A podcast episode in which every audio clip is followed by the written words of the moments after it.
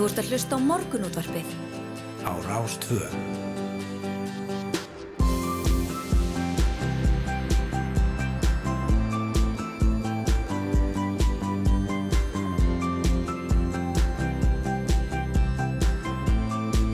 Morgunútvarpið Á Rástvö. Jújú, kaffibóllin er uh, heitur og hér sitja Snæður Sundardóttir og Yngvar Þór Björnsson við ætlum að vera með ykkur til hlukan nýju því að morgunundarpið er æðra hefja gangur Já, já, fyrsti kaffibóli dagsins er ljúfur eins og ofta áður. Já, já, Það hann segja það, er ágættur hérna úr, úr vélinni í efstaleitinu eh, Við ætlum að fara víða í þætti dagsins. Við ætlum að eh, ja, byrja fyrir austan en talið líklegt að, að ráðust verði tilrauna bólusetningu við blóðþorra í eldislagsi á austfjörðum. Og það er því fyrsta sinn sem eldislags hér á landi ég er því bólusettur við veiru sjúkdómi en það hefur greint frá því fréttum að allt lagseldi hafa nú verið stöðvað í reyðarfyrði eftir að afbryði blóðþorra greindist í þremur eldisstöðum þar. Og hann ætlar að koma til okkar Gísli Jónsson, hann er sérgreina dýralegnir fiskeldis hjá matvælastofnun og ræða við okkur um blóðþorra og bólusetningar og, og hversu langt á gangi því að bólusetja dýr til að við getum borðaði. Þetta er, já, þetta er forðulegt Formaður BSRB var gestur okkur í gær og rætti meðal hans reynslun af styttingu vinnuvikunar Styttingin hefur almennt mælst vel fyrir, sérstaklega í minni fyrirtækjum en reynst töluvert erfiðari hjá vaktafinnufólki og þá helst í heilbriðiskeranum Við ætlum að ræða þessi mál við formann Sjúkarleðafélags Íslands, Anna Söndru B. Franks. Já, einmitt, hún talaði um það henni gera að sjö af hverjum tíu væri ána með styttingu vinnuökunar og, og það væri frekar fólk á, eh, á minni vinnustöðum heldur en þeim stærri sem væri sátt með hvernig þessu væri hagað. Nákvæmlega. Eh, og alltaf áhugavert að hérna, við ættum alltaf að vera að vinna miklu minna eins og við höfum aður komið inn á. Já, já, einmitt. En uh, innlegnir og afveitrinadild ólögraða ungmenna hafa verið færri en búist að við þegar hún var opnuð í júni 2020 aðeins fimm innlegnir voru dildinar 2021. Það er ekki þekkt nákvæmlega hvernig á þessu stendur en hugsan þykir að vandi batna í neyslu sé einfallega ekki af því alvarleika stíi sem áður var talið og ekki svo alvarlegt að hópurinn þurfa sérstakri afveitrunar dild að halda.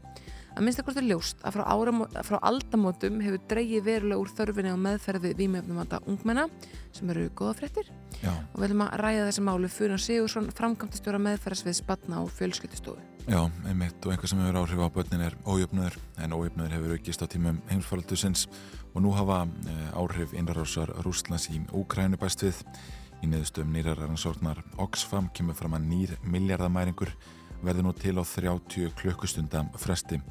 Og að á sama tíma uh, já þessum tíma þess að 573 einstaklingar orðin miljardamæringar frá því að, faldurinn hóst á sama tíma á 263 miljónir hröpuðu niður að fátættarmörkum og við ætlum að ræða efnaðsleg áhrif faraldus og innrásar rúsa í Úkrænu á ójöfnuð við Jón Bjarka Benson, aðalhafræðing Íslandsbanka og Sigrúnum Ólafsdóttur, professor í félagsfræði. Þau komið til okkar svona upp úr klukkan átta. Emitt. Svo er það þriðingu grunn- og framhaldsskólinema sem að spila töluleiki sem að tellja sig eigða of miklum tíma í spilun þeirra. Strákar og öllum skólastegum er í meirluta þeirra sem spila töluleiki en stelpur eru hlutvarslega flestar að spila í svona fjórða til sjönda bekk. Þetta er hlutin niðurstæðan nýra skýslu fjölmjölunemndar og mentavísindastofnar HÍ um börn og netmiðla.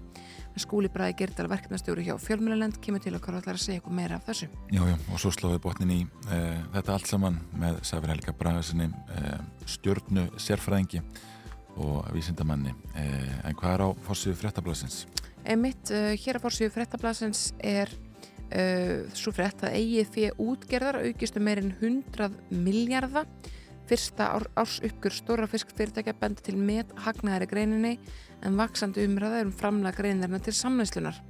Brím og síldavinslan högnuðust í fyrir að samanlagt um 22,6 miljardar króna hagnaður begge fyrirtækja var nánast sá sami eða nánast 11,3 miljardum á hvort fyrirtæki Fyrstu þrjá mánuð þessi árs var hagnaður síldavinslunar á fjórða miljard króna.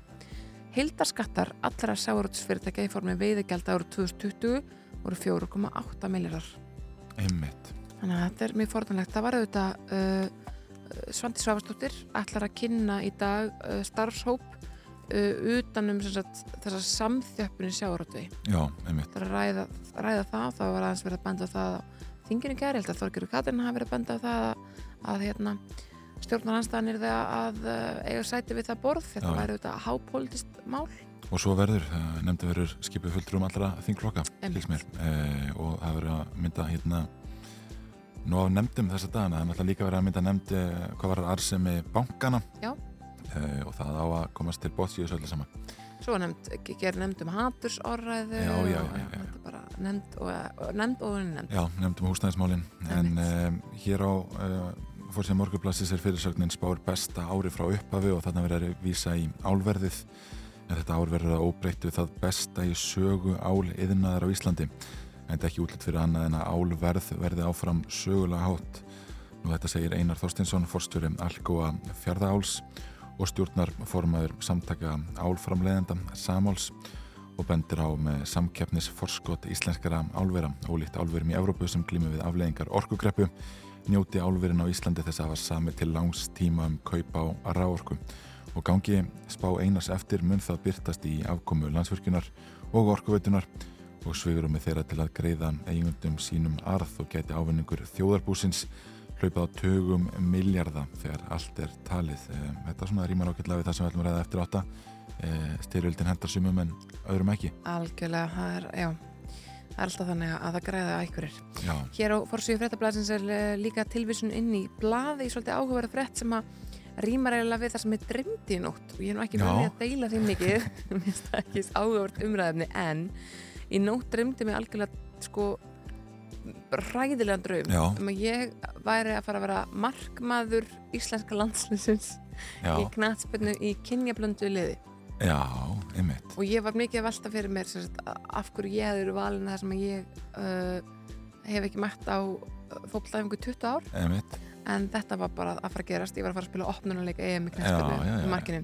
Og hér sem þetta fórsvíu fréttablasins þá segir að sumir leikminni íslenska landsliðsins hafi lesið um það á netinu að þeir væru í landsliðshópi Arnars Viðarssonar fyrir komandi verkefni í þjóðadildinni Íðurlega séu leikmenn sem eru landsliðshóp látnir vita áður en hópur Mm. sem kynntur ofnbærlega en það voru nokkur sem að uh, komast að þessum með þessum leiðum og það er sem sagt hérna heimildar með fréttablasin segir að samskipti þjálfara teimisins við leikmenn séu lítil og nánast engin samskipti sé eigi sér stað á milli verkefna liðsins Já, einmitt. kannski ekki gott Nei, þá getur nú bara vel verið að nafnið þitt leynir sann einhver staðar. Já, ég, ég vil nú meina að ég sé augljóslega að lesa um það að ég hef ekki verið valin lið, ætli alveg sem þetta fólk Já. að lesa lasu það að hafa verið valið Já, nákvæmlega. ég meina hlýtur það ekki að liggja í lutans Eh, hér á fórsíða morgunblansins eh, er líka áhugur frétt eh, en stöðu jarðskjálta virkna á Reykjaneskaganum á síðustu messurum hefur hert á þróun landsbrots í Krísvökurbergi. Alls er bergi um 6,5 km langt og hæst um 50 metrar og þungar öldur allarsásins eh, berast þarna að landi og vinna á djúpu eh, berginum. Svo fyllur falla fram og niður í sjó og hamravekkurinn færi stöðut innar og nálgast óðum ljósvitan sem þarna stendur. mm. Þannig að það hreinur úr hamri og viti gæti verið í, hætt, í hættum, segir hér á fórsíðu morgunblassins um, og hérna, Þetta er eiginlega ljóð bara þetta er í algjört ljóð sem ég er að lesa. en við þurfum að fara að skipta yfir á um, fréttastofuna að heyra sjöfréttir og við höldum síðan áfram hér með um, já, veður og færð.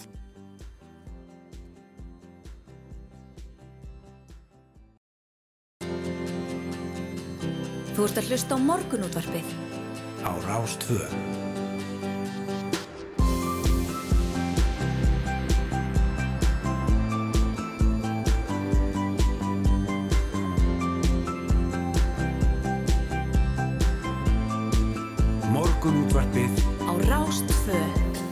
Morgunúttabið býður góðan dag, þriði dæm, 31. mæ, sjöfréttir að baki og yngvar Þór og Snærós Sindradóttir vera hérna með okkur um, ja, til klukkan nýju, um, 31. mæ, það má segja að sko sumari hefjist formlega á morgun, eða ekki? Jú, ég var svo heissað þú sagði þetta, mér, ég bara Já. ég trúi ekki Nei, mæ hefur liðið afskaplega hrætt. Já, og mér finnst þú alltaf vera að tala um hvað tími líður hratt en, en þetta er virkilega sjokkarandi Já, þannig að það verður hérna við fögnum uh, júni mánuð á morgun. eh, Algjörlega. og, uh, og svona hérna, þá svona krefjustu þess að fá uh, gott veður. Já, Eh. einmitt En sko, veðrið er bara, bú, bú, bú, bara búið að vera frábært Það er búið að vera frábært. Uh, það er ekki frábær fyrirsætning sem er hér á aðfóðsíður úf. Solskinsveðrinu lokið í byli Einmitt, en uh, Jú, jú, við hérna að hlýtur að taka við sér núna í júnimániði. Já, já, þessi fyrirsögnar tekin beint upp úr hugleðingum viðfæðings viðstofu Íslands sem segir einfallega nú er solskinsverðinu lokið í bíli að minnstakosti mm -hmm. og vætutíð framundan sunnan og vestalands. Vindar eru þó almennt hægir fram að helgi en sumstær þókuloft og svalt við sjáarsíðuna.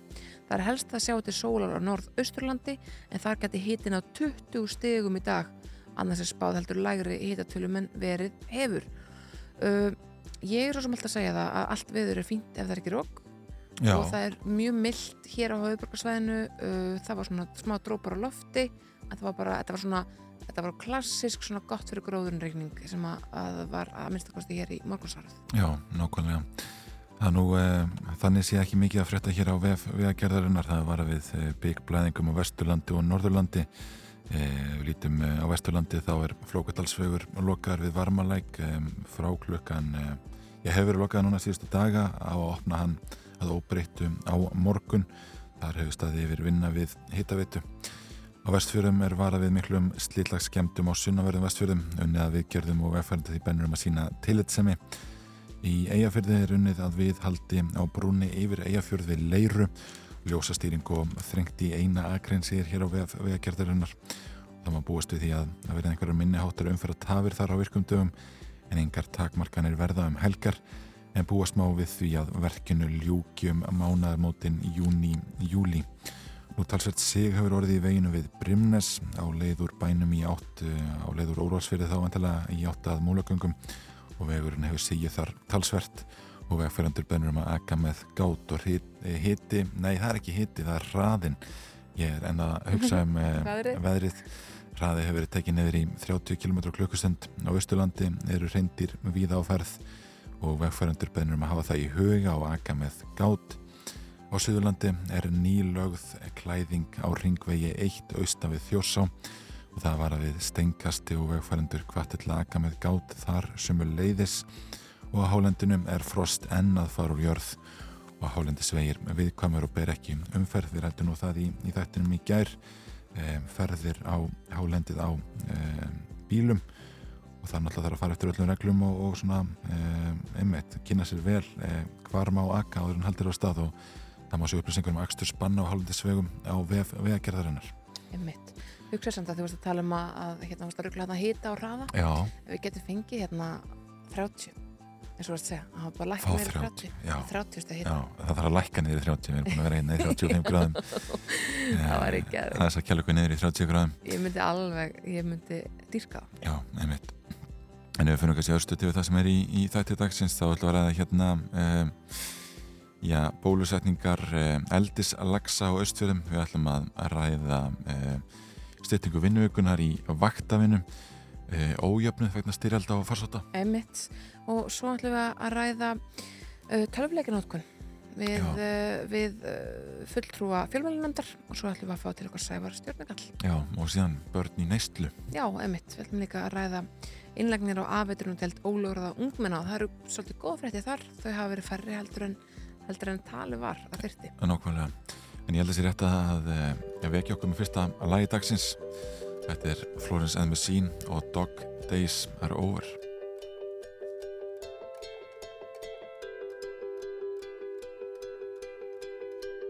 Happiness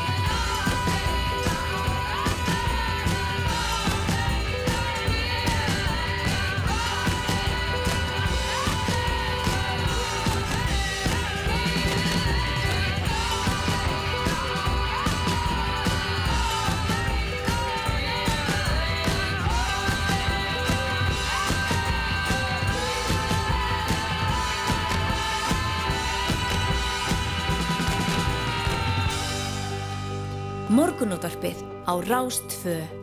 Alla virka daga frá 6.50 til 9. Jú, jú, frá 6.50 til 9. Yngvar, hér er ég að reyka augun í uh, stórmerkilega frett í frettablaðinu. Það er ekkert mývatn, nei, það er ekkert mý í mývatni. Það er ekkert mý í mývatni, nei, það, það er betur en það sé ekkert mývatni í Mýinu. mýinu. Já, það er ekkert mý í mývatni. Anna ári röð, hér er að tala við Átna Einarsson sem er forstumar Rami, Mhm. er sem sagt, uh, rannsóknar, uh, sest, uh, náttúru rannsóknarstöðin við mývatn, Rami. Já, já. Og uh, hann segir að það sé hins vegar mjög mikið um stórar hunásflugur, Mm svo kallar humlur, já. sem að séu bara einhvern veginn fljúandi um allt og það var vist Mývas marathon um helgina í blíðskapa veðri og þar uh, tóku hlaupar eftir hinn um eftir Já, þeir eru varið við þessar stóru bíflugur þar. bíflugur, algjörlega, spurning hvort það er að fljúa upp eða upp í þá eða eitthvað. Já, þá vil maður nú freka mýið. en vondufrætnar í þessu eru þær. Að þegar lífrikið í Mývatni er í lámarki segir átni, það það áhrif á allt annað. Þar að segja þegar vantar mýið þá uh, kem, komast sílungaseiðin ekki upp fugglinn kemur ekki upp ungum og uh, botnin, hann segir að botnin hafi trúlega verið síðan sumar. En svo fór þetta aftur upp hægt og bítandi ef að líkum lætur Já, einmitt. Hann segir hérna líka að lífrikið sveiflist og, og svona gengur í takt og þetta gerist á 7-9 ára fresti að lífrikið detti niður og ekki hægt að kenna veðurfari um segna því átni og hans teimi hafa ekki fundið neinn tengsl við hitastig með að sóla stundir eða neitt slíkt. Það er kannski einhver tengsl en ekki eitthvað sem við festum hendur á segjan. Þetta gengur í takt einmitt á 7-9 ára fresti Einmitt. og við vitum ekki hvað það er sem orsakar, segir hann. Það er hérna eh, eflaust einhverju laupara sem voru spenntir yfir því að, þurfa ekki að berjast í mýja á leðinu en þá verða þessar stóru bíflugur sem verða að vegja þeirra frekar. En það er spurning hvort að, lífrikið, bæði sílungurinn og, og uh, fugglarnir muni gæða sér á bíflugum í staðin. Já, einmitt. Hann segir hérna líka að bíflugurna séu ofunni snemma að láta á sér kræla í vor og það séu ofunni margar koma inn í húsin hann á svæðinum og skoða sig um mörgum til ama. Einmitt, forðanlegt. Þetta er forundlegt. Við ætlum að ræða hér eh, já, blóðþorra og, eh, og bólusetningar eldislagsa eftir smá. Já. Fá mannalega fyrst. Þetta er Stars með Kvarasi.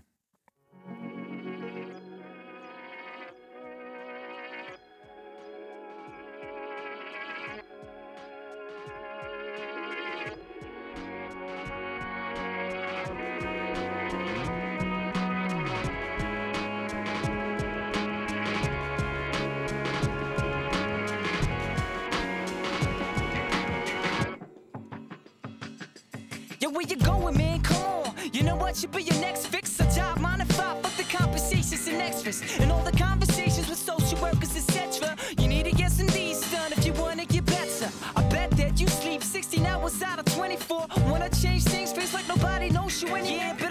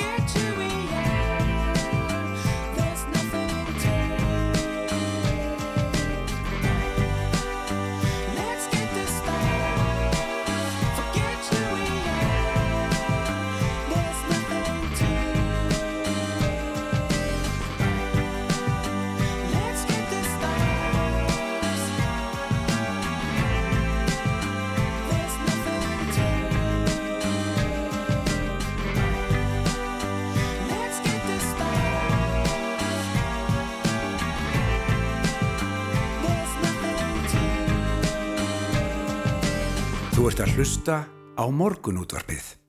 Á Rás 2.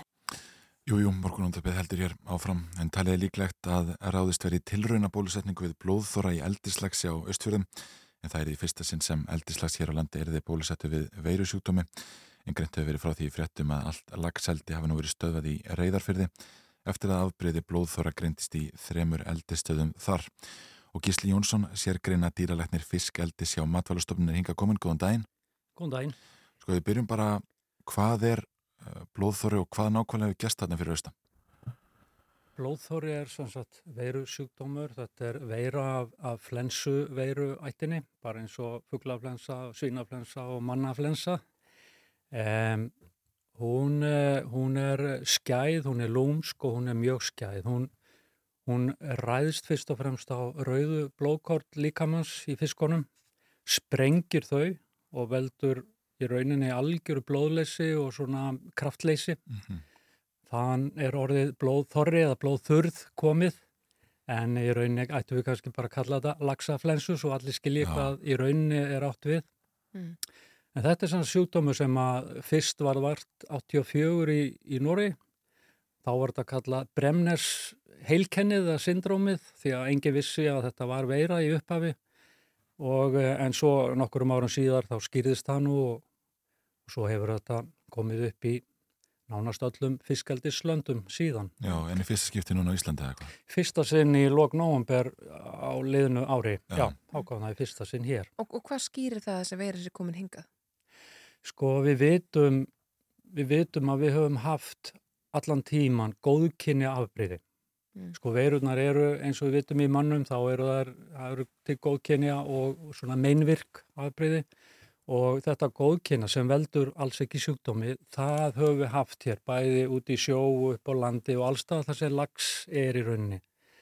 Um, það sem skeður fyrir austan, uh, við erum búin að skoða þetta nokkuð vel og rekja og faraldsfræðilega að okkur sýnist eftir aðgreiningar og annað að þarna hafa á sér stað svo kallu stökkbreyting á góðkynni afbreyð sem er í umhverfunu og fer þá yfir í hið meinverka og sem að slær þá til og fer að drepa fiskin. Þannig að það er ekkert sem að kemur inn í þetta litla lífkerfi eða neitt slíkt, það bara breytist og verður svona stökkbreyting. Já, nei, sko eftir því sem við næst komust, eftir að veiru, veirurnar fyrir austan hafa verið raðgreindar þá, þá eru þær ansi fjarskildar bæði færium, Nóri Já, og þannig að, þannig að það er greinilegt að þetta er svo kallað primary outbreak eða það verður stökkbreyting á já, staðnum. einmitt. Já. Við erum nú tölvert rætti það á síðust árum að raðgreina veirur e, og þá vantilega hérna, meira um COVID-veirurnar Alveg rétt. en, e, en hvernig virkar að sko, hvernig virkar sínataka í, í, í fiskum og, og það að raðgreina? Er þetta nákvæmlega eins og Já. bara virkar hérna í okkar fólkinu? já, prinsipin eru raunin nákvæmlega það söm. Um, það sem við tökum svona fyrst og fremst síni þá tökum við úr hjartavöðva. Mm. og uh, þar svona leitu við svona með mestu hægðum uppi veiruna, hún er það til staðar í svona blóðríkum lífærum og hjarta og nýra og fleiri lífærum og þar finnum við hana. Og síðan getum við þeirra búir að greina hana í PCR að þá er hægt að fara að, að, að stunda aðrar rannsóknir eins og raðgreiningu sem er bara DNA fingraförs greining. Já, einmitt. Þannig að það er orðið mun auðvöldar að tala um þetta núna eftir að COVID kom því að nú veit allir út á hvað PCR og, Og og raðgreining. raðgreining og allt Já. þetta gengur. En hvernig verður þetta að komast fyrir þetta ef þetta er stökkbreyting innan stoppsins? Sko, uh, er það ekki bara allir fiskarnir síktir og, og erfitt að eiga við þetta? Jú, þetta, þetta, sko, við erum kannski með tíu sjókvíjar á einu svæði og eins og við sáum þegar fyrsta, fyrsta tilfelli kom hann upp við innanverðan reyðarfjörð, Gríbalda, að þá var það í rauninni ein kví sem skar sig út. Mm. Uh, allur annar fisku var bara fín í rauninni, átt og dafnaði og, að, en svo getur þetta færið á milli og með tíð og tíma þá nær þetta öllum fiski. Þannig að Já, Í rauninni eru einu viðbröð sem hægt er að stunda það er að tæma staðsettingarnar og fjarlæga fiskin og kvíla svæð. já, En hvað með þá annan fisk í sjónum sem er ekki í kvíi? Sko, við vitum, við vitum að sko, þessi veira, hún lifir ekki lengi fyrir utan fiskin. Mm. En í viltum fiski þá er, honum er engin hægt að búin.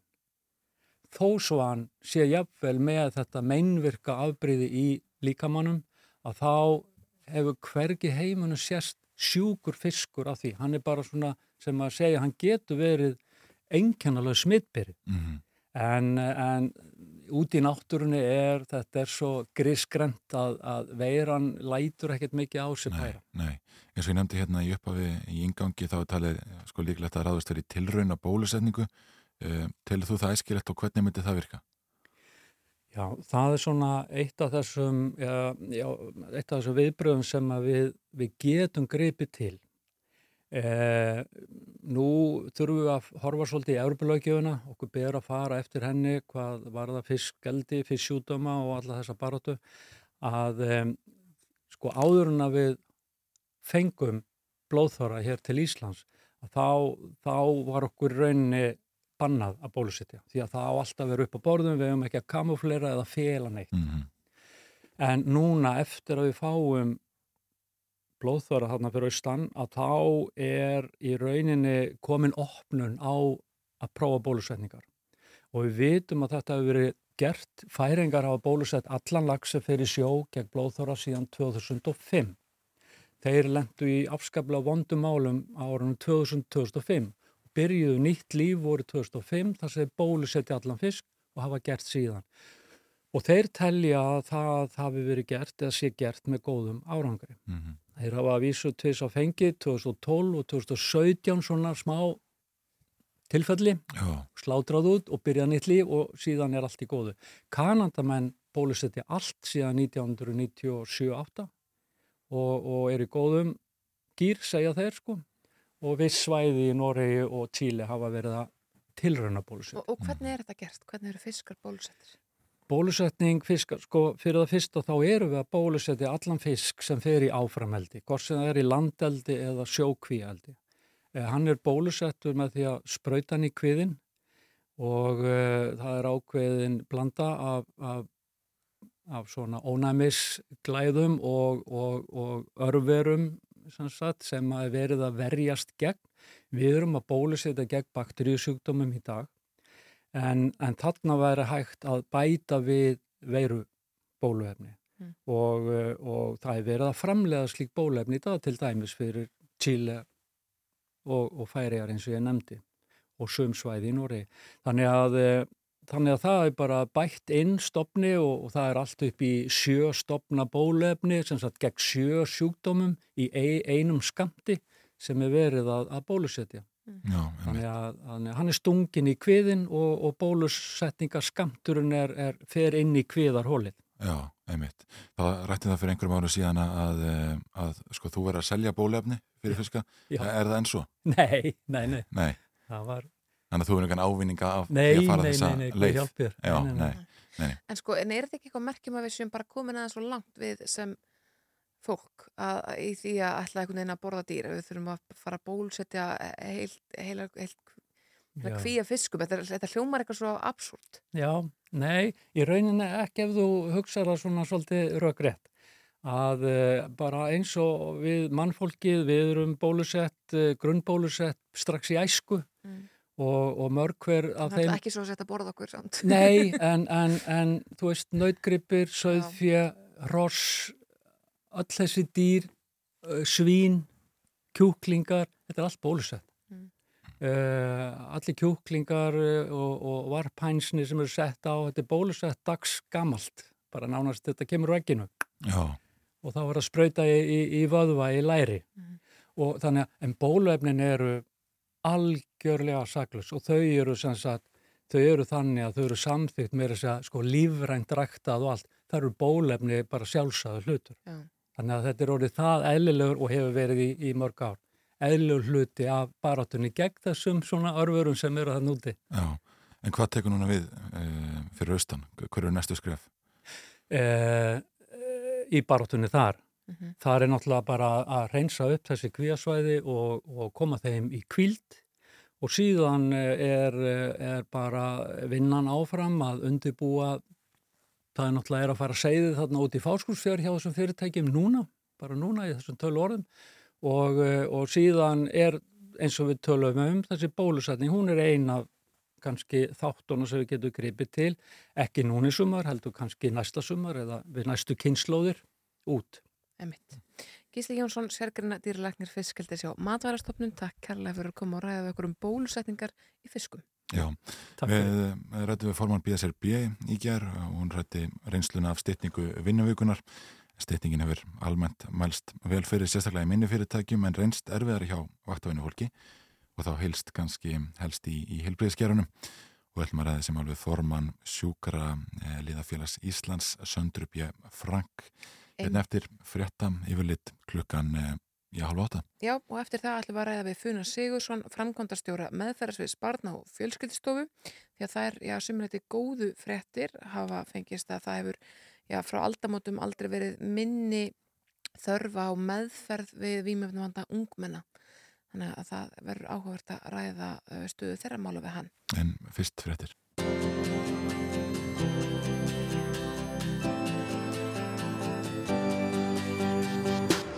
Þú ert að hlusta á morgunútvarpið á Rástvö.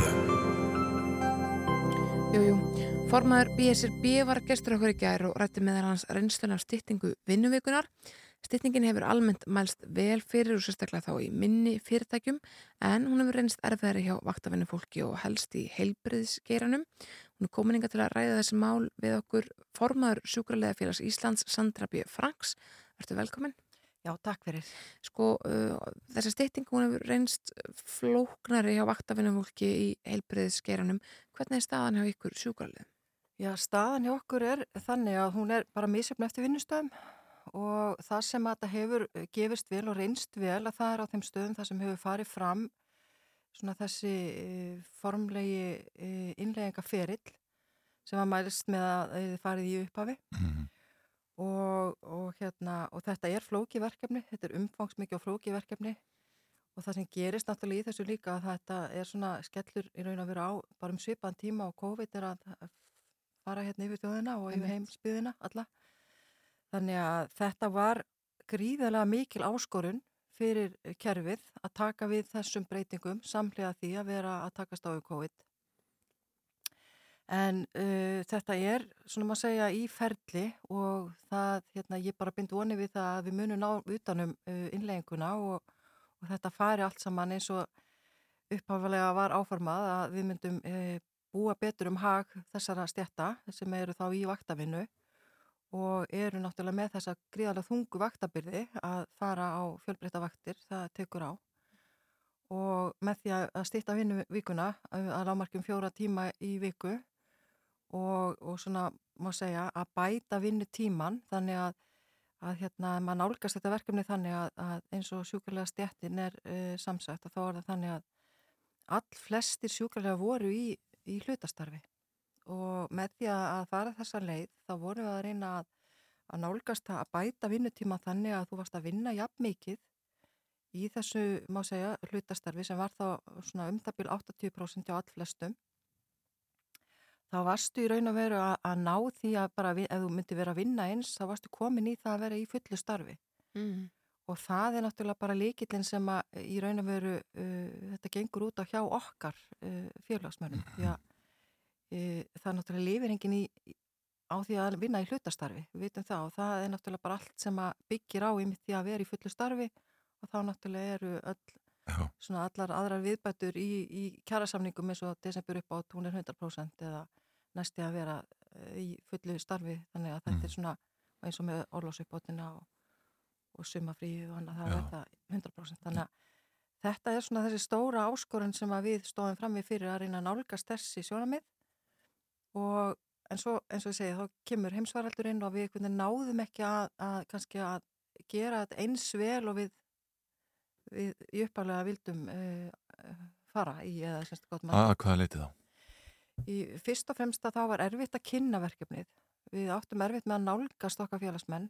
Þetta fór allt fram á skjám og þetta er stór hópur sem var í, sagt, í þessu, þessu kynningar átaki og hinn almenni félagsmaður, uh, sjúkarlegaðnir, þeir áttu erfitt með að sækja uh, þessi námskeið uh, að, og spurja spurninga. Þannig að það var kannski það fyrsta. Að, það var svona uppi svona ákveðin miskilningur í raun og veru og og eins og segja þetta er óbáslega flókið verkefni og það þarf að taka samtalið og bara kynna þetta mjög vel. Mm. En, En- þið vildur ennum vera ekki fara þá leið að fækka vinnustundunum heldur frekar að breyta skráningunni á starfslutfallinu að vera skiljaði rétt. Já sko það var náttúrulega eh, lagt upp með það í, í byrjun að við myndum reyna að líta til þess að fólk væri að semst, ekki að minka vinnuna að því leiti að því það voru ekki allir í eða ekki stór hópur hjá okkur í 100% starfi og við vorum búin að skoða það að all flesti sjúkrarlegar voru í um það byrju 80% starfslutvalli og þar í raun og veru liggja bara svona má segja sársækamörk þess, þessa hóps að vera í vaktavinnu. Þú ræður ekkit við það að vera í vaktavinnu í 100% starfi til lengri tíma. Og, og það var náttúrulega, við nál, nálgumst þetta með þessum glerugum að, að uh, taka utan um þennan hóp þannig að það veri litið svo á að hann væri í 100% um það byrju 100% starfi, svona fullu starfi sem maður segir, en væri samt á þessum mörgum að vera í því sem nefnur 80% starf og svo eru sem, sagt, uh, sem, sem var það 80% starf í áður en fyrirbreytinga þar. Mm. Þannig að þetta er svona, þetta er svona stóra upplegið í, í byrjun og svo náttúrulega eru ímsir aðeins þetta hættir sem koma inn í þessa kerfisbreytingu og, og hérna hún svo segi, hún er þannig að þetta kemur við á svo marga staði, bæði varðandi sko hvernig þú vinnur, hvort þú ert að vinna á nóttinni, kvöldin og, eða á daginn, þá er það svona mismikið sem telur inn í vinnu skil fyrir hvern mm -hmm. uh, mánuð. Mm -hmm. Þannig að útfæslan á því, hún er líka flókin, þannig að fjölbreytileiki vakta, hann er þannig að hann er mest í ávinningur fyrir þann sem að er þannig í vinnu hverfi, hann, hann fær mest út úr kerfisbreytingunni. Mm -hmm. Já, já. Sko, hún nefndi það, það hjá okkur Sonja Eir Þorburstóttir formar BSRB í gera að 7 af hverjum 10 var ánæg með styrtingu vinnuvíkunar sko, hvernig er hlutfalli hjá ykkur? Hva, er mikil óánægja með hvernig haldið vera málum? Já, sko, hún er misstjöfn ánægjan, maður segja. Það eru, það eru stóru hópar sem eru bara mjög ánæðir á meðan að aðrir hópar eru minna, minna glæðir með breytingarnar og það ræðist af bæði því af því hvernig fólk er að vinna og var að vinna áður og hvernig tókst að innleiða þessa kerrisbreytingu á hverjum stað fyrir sig. Og það má segja að þeir sem er að vinna til dæmis eins og í heimahjókurinn, þar sem eru að öllu jöfnu svona tvískiptarvaktir, það er ekki eins mikið um nætuvaktir. Þar er innleggingaferðli miklu svona, má segja vandasamara að því leiti að fólk er ekki að fá eins mikið ávinning út úr styrningunni eða þessari kerrisbreytingu. Og þar er bara tölverð óanægja. Mm. Bara þannig að, að Uh, já, þannig að það er svona, er áskorum fyrir okkur að reyna að ná betur utanum þann hóp. Síðan gerist það líka að, að eins og á hjúgrunaheimilum að þar var uh, innleggingaferðlinn þannig að það var svona, má ekki, það má segja að það hafa ekki verið svona alveg heilstæður svona grunnu til þess að fara í gegnum kerfisbeitinga eitt fyrir alla því að það eru svona mísjafnar stopnanir og mismunandi stjórnendur sem nálguðust verkefni með mismunandi hætti. Þannig að sumir leiður sér að nálgast þetta verkefni þannig með hagraðingakröfi að leiðaljósi mm -hmm. sem fóri þá leið að styrta vaktinnar sem var náttúrulega aldrei hérna, ég veist aldrei meiningin með þessari breytingu. Þannig að það var erfitt. Styrta vaktinnar þannig að það kemur niður á launagræslu til starfsfólks? Já sko það kemur það þannig fyrir að þú færð kannski uh, styrting eða semst breytingin á þessum hérna kerfisbreytingum, hún snýst um það að fara úr 173,3 klukkustundum á mánu á meðaltali niður í 156 stundir á mánu. Þannig að það eru allir að fara þessa vegferð. Mm -hmm. Hins vegar er útvæslan þannig að fólk vil náttúrulega mæta það bara sjálfnar í vinnuna. En það sem að sumir gerðu, þeir lefði sér það að taka bara af vöktinni. Mm -hmm. Þú mættir jafn oft en hættir fyrr. Mm -hmm. Og þá finnur ekki eins miklu, fyrir, eins miklu fyrir mikið fyrir ávinningum af breytingunni. Emitt. Þannig að það er svona einlega sem var líka fænir sem fólk er almennt ekki ánægt með. Mm. Uh, Landsbítilinn hann fór þá leið að hann hérna, og það er náttúrulega er meiri svona, svona þjættari stokkur að því leiti að, að fólk er að vinna svona að jafna því svona þrískiptarvaktir og dreifingin á vinnu álæginu, er, má segja, kannski jafnara að því leiti þannig að útvastan á því hún hefur gengið einna best þar. Mm -hmm. Þannig að það er svona, það er svona mismunandi bara hvert við lítum hvar ánægjan er meiri og hvar hún er minni. Já, en ef kannski að horfum til framtíðar eh, og á þá kjara samlinga sem að eftir að gera núna á, á næstu mánuðum árum þarf að ganga langra í þessum efnum að, að stitta vinnuðuguna?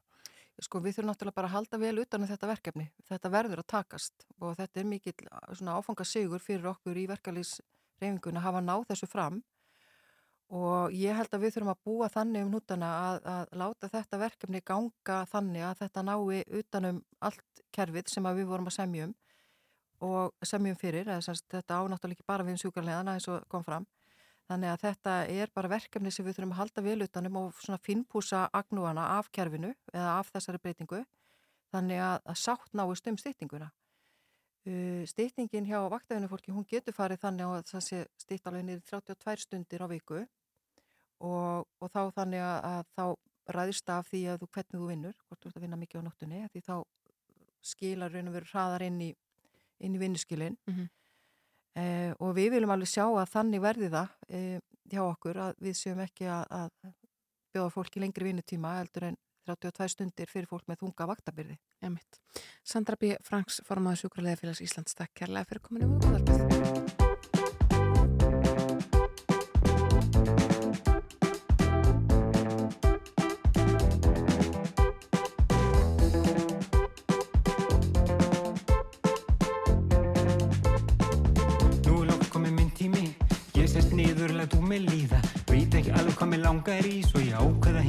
Eins og býða Er það lakris eða hlaupángsi Bara það sem veldur ekki bakflæði? Eitthvað sem lina mína þjáningar Og vekur ekki upp á þægilegar spurningar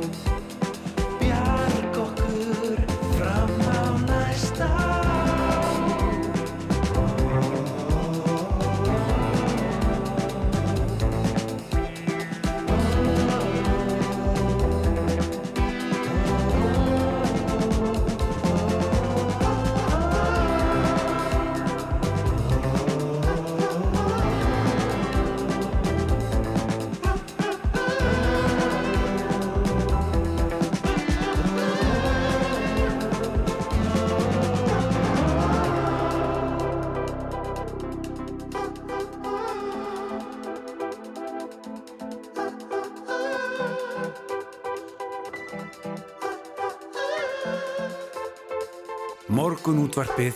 Á Rástfö Maðkur í misunum með Moses Hightower og prins Pólo en innlagnir á af eitrunardild ólögröða ungmenna hafi verið færri en búist var við þegar hún var opnið í júni 2020 og aðeins fimm innlagnir voru á dildina árið 2021 en ekki þekkt nákvæmlega hvernig á þessu stendur.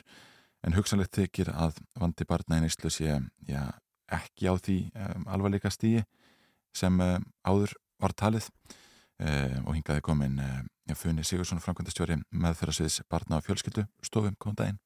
Góðan daginn. Sko Funni, þetta er mjög áhugaverð tölur sem við sjáum hér um, á vef alþingis um það hvernig börn er að nýta sér uh, meðferðarþjónustu og hafa verið að nýta sér. Og þeim fer fækkandi ár frá ári og, og það veru fá, fá, fá börn sem hafa þurft að fara í þess að afvetruna deild hvernig stendur þessu? Er okkur að takast, erum við að vinna einhvern áfangarsegur í baratunni við mýmjöfnum okkur ungmenna? Mm, ég vona það. Eh, þetta er náttúrulega, sko, þetta er náttúrulega bundið, þessar tölur eru bundnar við sem annars vegar landsbítalans og hins vegar S.A. Uh, tölunar hafa verið nokkuð stöðar hjá barn og fjölskyldstóðu í gegnum árin og dæmis eftir MST hefur bara verið nokkuð stöðug og frekar ef eitthvað farið upp á veið MST er heima heima meðferðin meðferð, já, Já.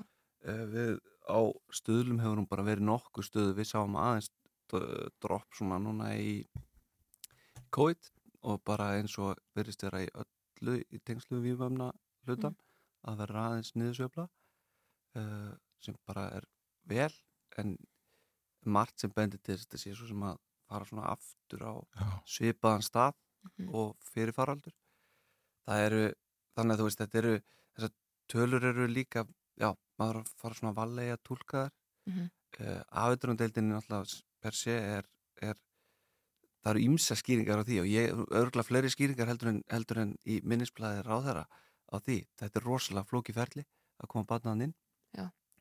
og stór, stór hluti af vandanum í rauninni uh, bráðamóttakan.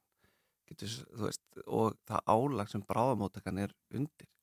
Þannig að veist, ekki það að ég ætla að fara að hérna, tjá mér rosa mikið um bráðamóttökun og það, það er ekkit mitt svið en þannig en, en það, sem- sko svo reynsla á það sem við erum að heyra frá okkar skjólstæðingum er að þau fara þar inn og það ferli er bara of flókið sko það er of flókið að komast af afveiturnandil, nei af bráðamóttöku inn á afveiturnandil Mm.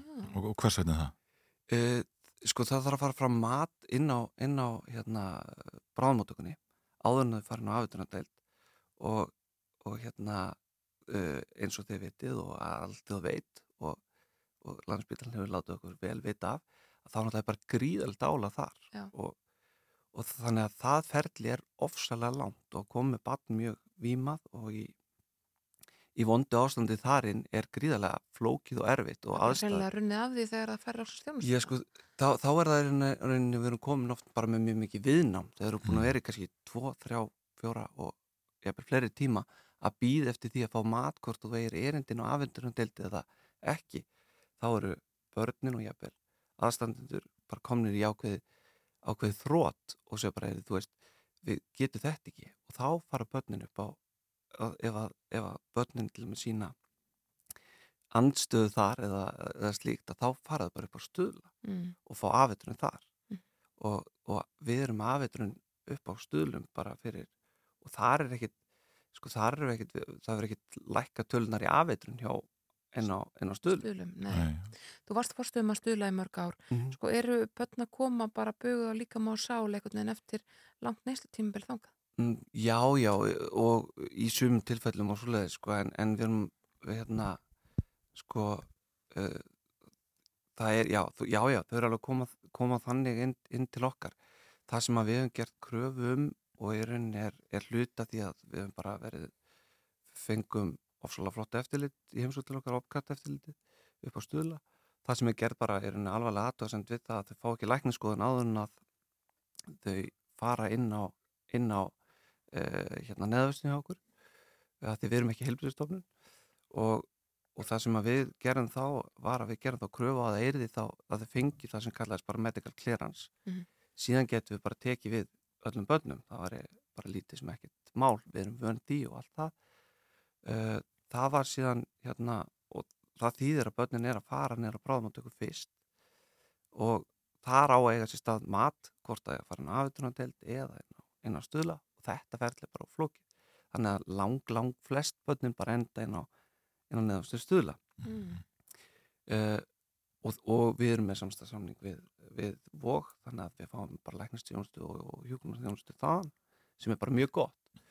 Þannig að sko ef maður, ef maður bara vera praktískur og sko, svona, og hugsa um peninga þá er bara fínt að loka sér að hafa þetta ég skal bara taka smá af, peninginu sko, inn, á, inn á stöðla Já, og við getum já. bara bætti heilbreyðstjónustunni þar. Já, En þú veit ekki endla á því að vandin sé eitthvað minni núna en áður? Nei, hann, hann er alltaf bara í svona í sveiflum og, og það eru bara eðlilega sveiflur í þessu, þú veist, og, og það er líka sveiflur í nýstlu hegðun úlinga þannig að það er ákveðin trend á, á því tímbili þegar uh, það er ráðist í það að opna þessa afetrunadeild og, og gera það þá vorum við með ákveðin kúf bara í neyslu þar sem að börn voru að, að spröta sig Já. síðan uh, náum við að einhver leiti bara, og, og við sem samfélag náum einhver, einhver leiti utanum það og það dregur úr því en þá kemur önnur, önnur tegund af, af neyslu á þenn tíma þú veist sem að það kemur þó upp. Og þetta er bara svona okkur munstur sem að þú veist sem er óf, við getum ekki spáð fyrir um það þetta er okkur bara svona trend í, í neysluheiminum og hvað er til og allt það sko Já, en, en hvað, er, hvað trend er þá í gangi núna sem skýrir það að þú þurfa kannski í aðeins minni mæli að fara inn á afvitrunatildina eða neðavistur stöla? Sko það eru það sem að verðist vera ansi vinsælt núna og er, er sko spæs og það er það þarf svolítið lengri tíma í að þau fara að sína þar eh, sko geðrósengin á slíkt það kemur, það kemur og er mjög alvarlegt hérna, ástand sem það geta farið út af því en það, það verðist takaðist lengri tíma mm. það eru síðan uh, það er svona held ég stærsta trendið að því verðist hjá okkur sem við erum að sjá núna svo eru svo sem allt mögulegt annað Já.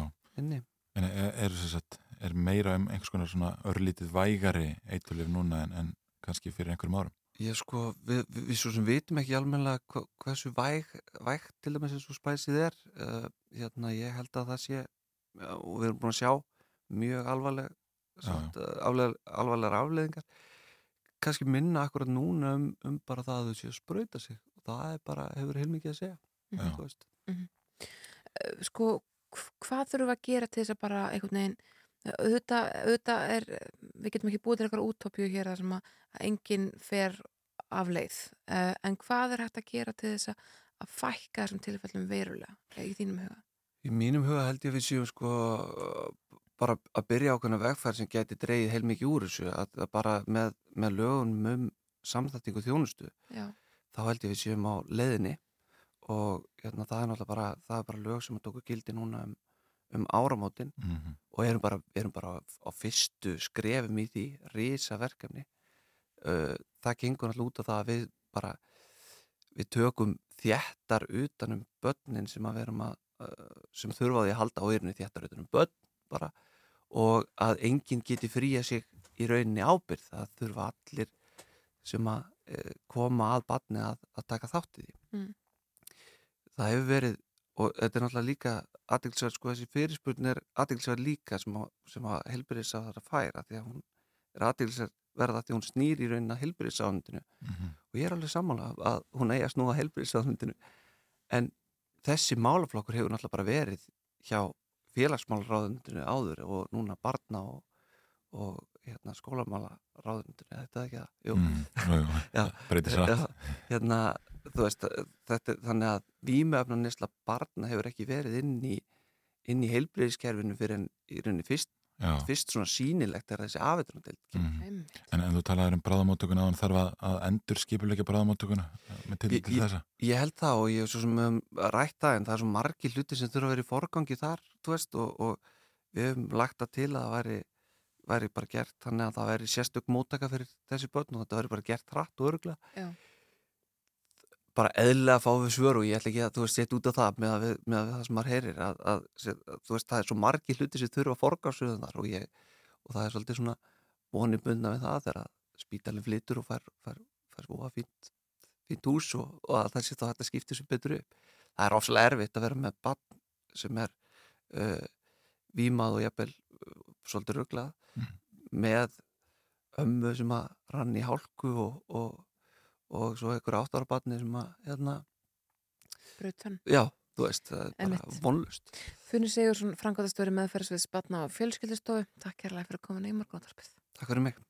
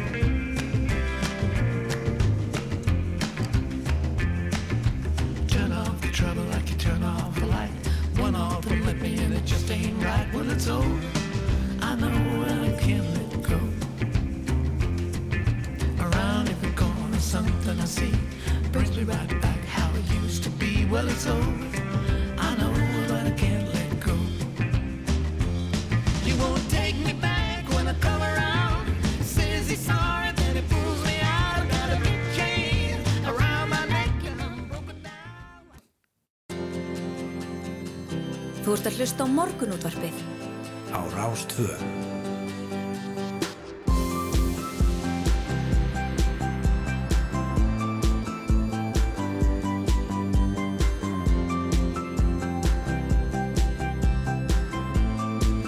Morgunútvarpið á Rástvö. Já. Jú, jú, það eru áttafréttir sem er að baki og morgun útarpið heldur hér áfram. Við erum búin að fara við það í, í þættinum í svona fyrirháleik, getur við sagt. Já, við erum búin að tala um bólusetningar hjá lögsum sem, var var óvunni áhugavert. Já, já, akkurat við rættum sömuleiðis eh, við Söndru B. Franks, hún er formar sjúkralega félags Íslands um styttingu um vinnuaukunar og rættum síðan um eh, ungmenni í neyslu hér eh, fyrir áttafréttir. Emitt, en uh, það eru ansi sterkar vísmyndingar og það að ójöfnur hafi aukist í heimisfaraldri. Það er alltaf þannig að einhverjir græða mik mikla peninga á krísum og aðrir tapa uh, tölveru fyrir Já, já, og hérna og hinn er ríkveru ríkar og allt það. já, já. Við erum að ræða það hér eftir skamma stund uh, við Jón Bjarka Bentsson, aðalhagfræðing Íslandsbanka og Sigrun Ólustóttur, prófessor í félagsfræði.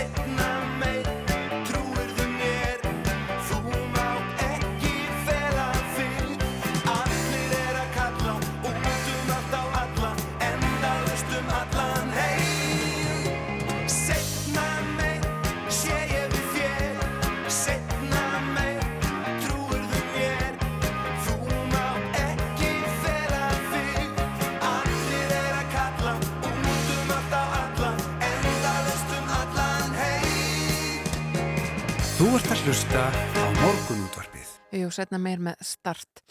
En í niðurstöðum nýra rannsóknar Oxfam kemur fram að nýr miljardamæringur verði nú til á 30 klukksunda fresti og tímum faraldursins hafi 573 einstaklingar orðið miljardamæringar á sama tíma á 263 miljónir hröpuðu niður að fátaktarmörkum. Það verðist einhvern veginn alltaf vera þannig í krísum að sumir verða ríkari og aðri verða umtalsvægt fátakari og við veitum svo sem hvaða lögmál þarna eru í gildi. Eh, Við ætlum að ræða uh, þessi efnæðislu áhrif faraldursins og innra, eh, innrásar rússa í Ukrænu og þennan ójöfnuð sem verðist vera að aukast við Jón Bjarka Bentsson aðalhagfræðing Íslandsbanka og Sigrunni Ólafsdóttur prófessor í félagsfæði verði velkomin bæði tvö. Takk, takk. Jón, ef við byrjum að þessu efnaðslegu liðinni þá hefur það verið þannig í þessum faraldri að, að svona tækifæri til eigna myndunar hafa kannski einhverju þetta aukist og, og sumulegði spartnaður heimiluna allavega í einhverjum tilvíkum. Já, það er vissulega rétt. Uh, viðbröð uh, yfirvalda við faraldrinum, sérilega þetta í, ríkari landunum, voru að slaka mikið á, á sagt, efna, efnahagstjórninni, uh, auka, auka fjárlagalla, læka vexti mikið og svo framvegis og það hjálpaði vissulega mikið, ég held að hafi lína, mikið höggið fyrir alla í þessum löndum af, af faraldrinum, sá það sann- sannlega hér en, en í sumulöndu var gengið ansi langt og, og svona auka áhrif af þessum aðgerðinu voru þau að eignaverð fór að hækka, það var mikið peningum að leita að ávöxtun Mhm. bæði spartnaði heimilana og, og af þessum sértæku aðgerðum sem að, sem að ríkistjórnir og, og Sælbank fór í. Og, og það er við erum svona núna að býta nálið með það að, að, eignaverð, ekki síst hlutabræðverð rauku upp, er reyndar allt fram á síðustu áramót. Og það auðvitað hérna eigur, að eigur á eigna ójöfnu því að þeir sem, að, þeir sem að áttu verbreyf fyrir eða kipti snemma í þessu ferli þeirra var náttúrulega séð auðsinn auka stöðlu. Mm. Sigrun, sko, er þessi ójöfnuður einhvern veginn, er hann svolítið bundin í kerfi sem að við búum við? Er hann alltaf að aukast og ekkert sem við getum gert til að hægja á hann? Jú, við náttúrulega getum gert ímislegt til að hægja á honum, það er kannski svona einfalda svarið, en við höfum séð svona mismanandi aukningar í ójöfnuði og það fyrir auðvitað svolítið eftir nákvæmlega hvað við erum að skoða og við sjáum að sumir kannski segja, heyrðu, ójöfnuður hefur nú bara ekkert kannski aukist neitt verulega mikið og meðan aðri segja það er gífurlegur ójöfnuður og hann er aukast mjög mikið en ég held náttúrulega það sem við sjáum alveg klárlega er eignamundunin sem að þeir að verða að þeir ríkur að verða ríkari og hugsalega einhverju leiti sumir þeir fátakari að verða fátakari og þar kemur auðvitað líka inn á stefnumótun og slíkt og við sjáum það náttúrulega kannski eitt sem er svolítið sérstakt við COVID-faraldurinn er að það er svona erfiðra kannski að eida peningum heldur en í mörgum öðrum svona krísum sem að við lendum í. Við vorum kannski bara öll meir og minna heima að sapna þeim peningum sem við áttum og þá auðvitað skipti gífurlegum okkur máli hvort við áttum peninga fyrir eða ekki Mhm. og það virðist náttúrulega augljóslega hafa skapast góð tækifæri til að ávaksta fjö ef þú áttir það en svo er þetta náttúrulega líka þannig faraldur að samfélagi stoppast og þá fyrir að hugsa um hverjir missa vinnuna hverjir eru í erfiðum aðstæðum og slíkt og hvernig við að koma á móti við þann hóp og auðvitað við að gera það að einhverju leiti en aðgerð við þann hóp náttúrulega það verður kannski bara um í rauninu að komast af Mhm. og jafnvel að komast erfiðlega af á meðan kannski auðurinn er að aukast hjá öðrum þjóðfélagshópum. Já, Jón Björki, þetta er áhrif faraldursins en hvernig heldur sko þessi þetta stríð í Úkræna áfram að, að íta undir óöfnið? Já, það er hættið að það bæti gráurna svart. Uh, uh, ekki bara hefur verðbólka aukist verulega og, og í rauninni tilfinnanlegar fyrir ímjömsönnu lönd heldur en okkur það sem að, að það eru nöðsýnar eins og húsitun og ramast nokkun heimilar sem hefur rókið upp til dæmis í Európu þó að það sem betur ekki gæst hér. Þar á ofan er það klárt að það, þeir hluti sem er að hækka hvað mest núna eru, eru vörur og þjónusta sem að fátækara fólk þarf að eigða stærri hluta sín ráðstöfundækjum í. Matvörur, uh, húsitun og þarf að þetta er göttunum. Og, og, og ofan í þetta er, er hætta á beinlinni svæðu skorti Mm. eða það minnst kosti að halda mjög vel á spöðum til að dreifa þeirri fæðu sérilega í kottverum, uh, mataróljum og, og fleiri slíku sem að tala ekki um áburð og, og, og hérna, meindýravarnir. Uh, til íbúa jarðarinnar þannig að það verði ekki stórfæld hungusneiði í, í þeim löndi sem að vest standa. Og, og þetta eru áhrif sem að eiga eftir að koma líklega fram núna á, á komandi fjóruðugum Mhm. og ég held að, að, að það sé mjög brínt að, að og það er sem betur fyrir svo sem verið að að keira inn áallarinn um hvernig eigi að breyðast við þessu. Því að, því að þetta kemur ofan í ofan í uh, svona, það, þá aukningu í ójöfnuði sem faraldurinn hefur valdið. Hann, hann snýri við uh, mjög ánægilegri þróun svona heimsvísu þar sem að ójöfnuði milli fátækari og ríkari landa var almennt að minka al, alveg frá aldamótum en hefur svolítið bratt aukist aftur undanfennið tvö ár. Ef við skoðum svona þær efnahagsaðgerðir sem að farið í faraldrinum þá uh, bara öll lönd á, á, á minnstakosti vesturlöndum uh, sko ríðast í svona stóra björgunapakka fyrir fyrirtækin. Og það verður þetta að hugsa til þess að minka, minka atvinnuleysið og, og, og hérna þannig að það skilaði sér og halda við efnahagnum á, á svo framvegs sko eh, skilaði þetta eh, sko var á langt gengið í þessum björgunapakkum og skilaði það sér til almennings eins og á- áætla var eða skilaði þess að til fyrst og fremst til ríkara fyrirtækja Uh, í sumu tilfellum var gengið ólangt en, en við verðum að hafa það í huga að, að núna höfum við sko baksinni speilin til þess að skoða þetta. Og þetta var, var náttúrulega atbyrðu sem að ekkert okkar hafði, hafði upplifað á, á sinni æfi og kannski skárra að gera á mikið heldur en á lítið. En, en klálega eins og, eins og bandaríkinu eru gott dæmi það sem, að, það sem að allar fjölskyldu fengu senda ávísanir alveg óháð efnastegri stöðu eða hvo- hvort að fólk var að verða fyrir einhverjum eh, skelli að faraldrinu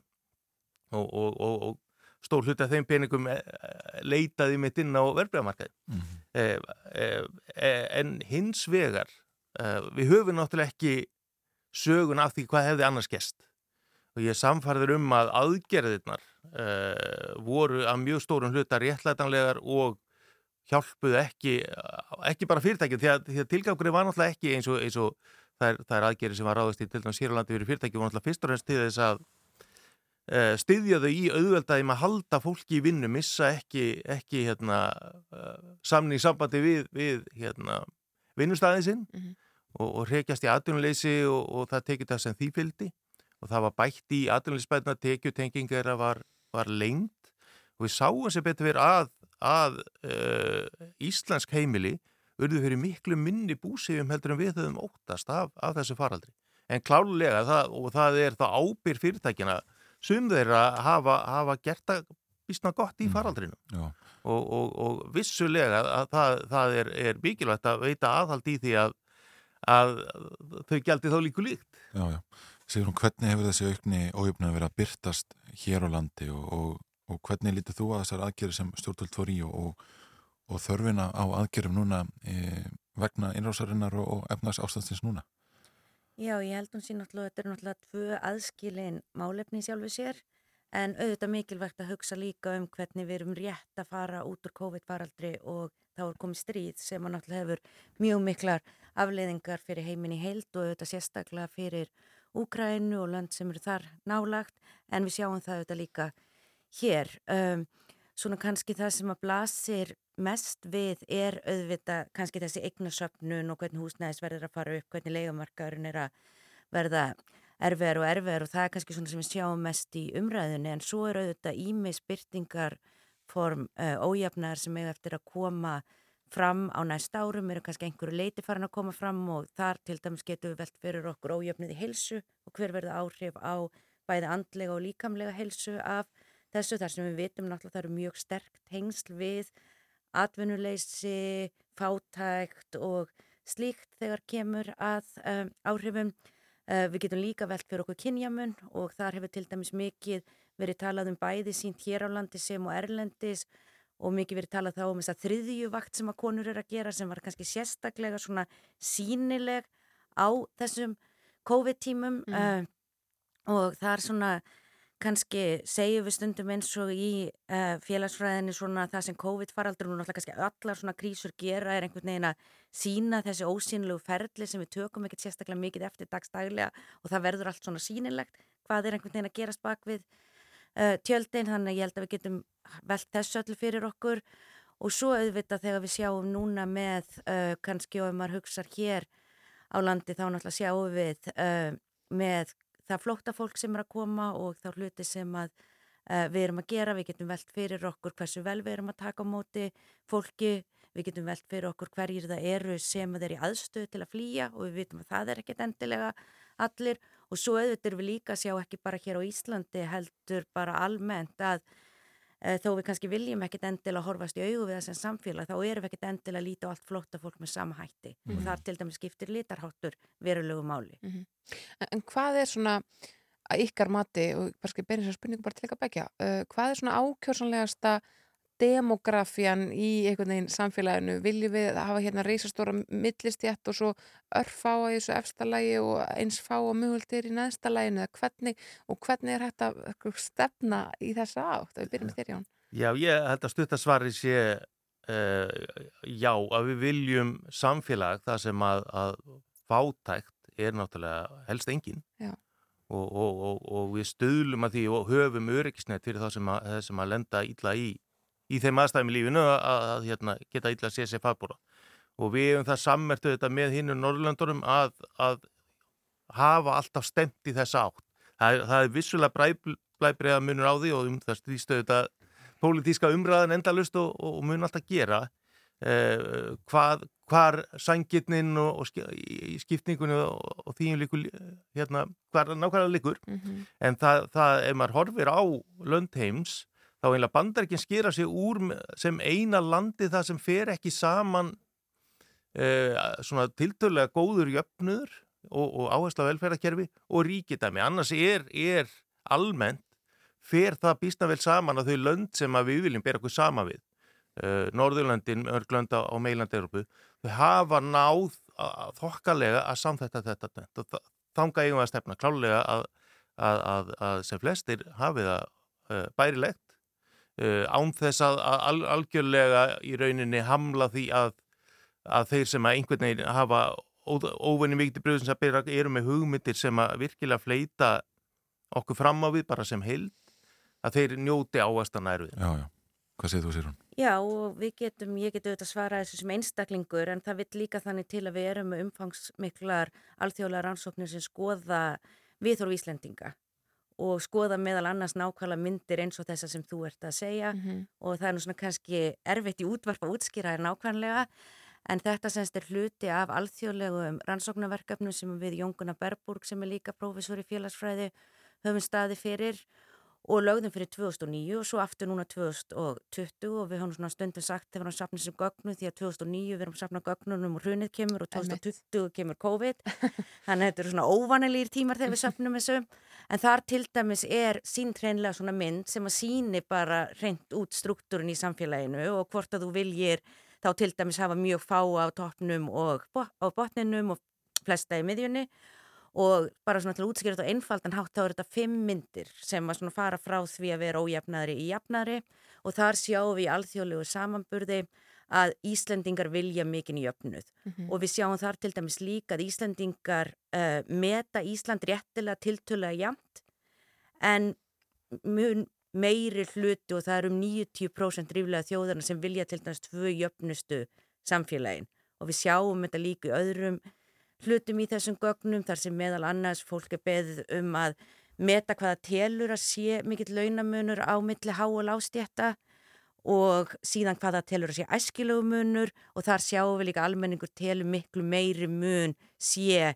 heldur en þeir telja æskilegan. En fólk vil samt mun. Já. og þá er það kannski að sjá, þú veist, við verið kannski að skoða tvís og til þrísvarsinnum hæri laun. Þannig við erum ekki þannig Íslendingar að við viljum samfélag þar sem að hlutir eins og bara mentun og starfsreynsla og hvað vinnur mikið skiptir engu máli Nei, nei. en við sjáum það greinilega í viðhorfunum að mjög stórum hluta almennings á Íslandi finnst ójöfnur vera of mikill og upplifir að ójöfnur hér sé Já. meiri heldur en að við viljum hafa. Einmitt. En ef við lítum örstu til framtíðar, eh, sko verðbólgan enn á fljúandi sigling og, og húsnæðisverð hækkar, blasir við að ójöfnuður verður enn meiri í íslensku samfélagi? Já, við verðum að minnst kosti að, að gera ráð fyrir einhver, einhvers konar viðbræði við því eins og ég segi það, það lítur út fyrir að þetta sé einhvern veginn alltaf leggjast á eitt að, að, að, skapa þess áskorun hættu á vaksandi ójöfnu það er að segja COVID, svo kemur stríðið og, og svo ofan í það eru þetta að verða fyrstu merkjum að, að loftlagsbreytinga séu fattan af áhrif Mhm. þannig að, að ég held að, að við verðum bara öll taka höndu saman um að að stefna áfram í rétta átt og að þessi sagt, áhrif sem er í COVID séu svona undatengur reglunni. Og er eina tólið þar þreiparskipt skattkerfi? Er þetta að gripa til einhverja annar leiða? Já, það, það, við höfum auðvitað allt bæði skattkerfið og bótakerfið til þess að, að, að, að jafna, þessa, jafna þessa leika en, en ekki síður bara að, að passa upp á að innviðir að fólk, að minnihlutahópar falli ekki út, af, út úr hérna, skólakerfinu, mm Mhm. -hmm. uh, falli ekki út af, af vinnumarkaði, fái þann stuðning til að vera hluti af samfélaginu sem að, sem að við viljum hafa. Mm. Sigrun, er óhjákvæmilegt að ójöfnuður aukist núna á næstu mánuðum? Uh, ég held að sé ekkert sem er óhjákvæmilegt og ég held að sé í rauninni mjög hættulegt þegar við förum kannski í þann svona fasa bara viðkenna það er ekki hægt að breyta samfélaginu því við vitum það auðvitað að samfélagi sjálft er félagslega skapað og í rauninni allt sem að gerist er út af ákverðunum einstakling og sérstaklega hópa og sérstaklega valdamikla hópa og þeirra sem eru í þeirri stöðu að geta búið til stefnu í samfélaginu og tekið ákvarðanir.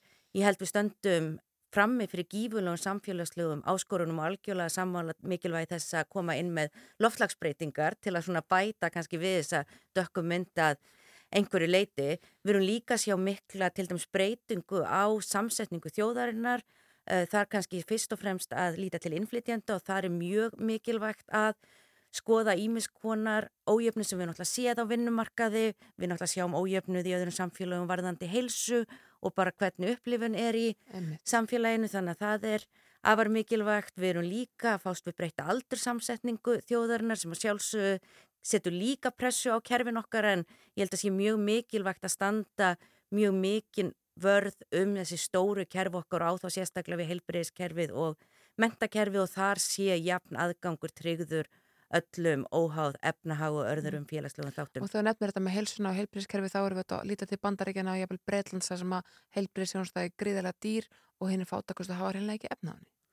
Já, og reyndar svona til að flækja það ennþá meira þá eru að þeir fátökustu sem hafa einhvern aðgang Já. en það eru líka sem að til dæmis hefur verið talað um að svona þeir sem kannski eru á vinnumarkaði og eru í raunin að vinna samkvæmt öllum reglunum eru jafnvel ekki með aðgang því að þeir eru ekki nógu fátækir þannig að það er mjög flókið en ég held að og ég bjó nú í bandarækjunum í 17 ár og fór frekar til læknis á Íslandi heldur en þar þó ég hafi verið með góða heilbyrðis tryggingu þannig ég held að það sé Já. kerfi sem að við viljum seint líta til því að það er náttúrulega sjáum við hreinlega kannski að ríkustu hóparnir hafa bestu heilbreyðstjónustu sem fyrirfinnst í heiminum en það eru stórir hópar sem eru nánast án heilbreyðstryggingar og uh, degi út úr því. Og við náttúrulega sáum það í faraldrun þar til dæmis kom rasismi og mismunur á milli svartra og hvítra mjög vel í ljós. Við komumst ekki lengri í þetta skiptið. Jón Bjarki Benson, aðalhafrængur Íslandsbanka og Sigrun Ólafstóttir, professor í félagsfræði. Takk fyrir að koma í morgunúttarpið og ræða ójöfnuð við okkur. Takk fyrir. Þú maður skipta yfir á frettastofuna, heyra smá frettævild og koma svo verðum með spori og ræðum tölvuleikinótkun uh, badna og ungmenna en þau þreyðjungur þeirra telur sig verri of miklum tíma í tölvuleikaspill.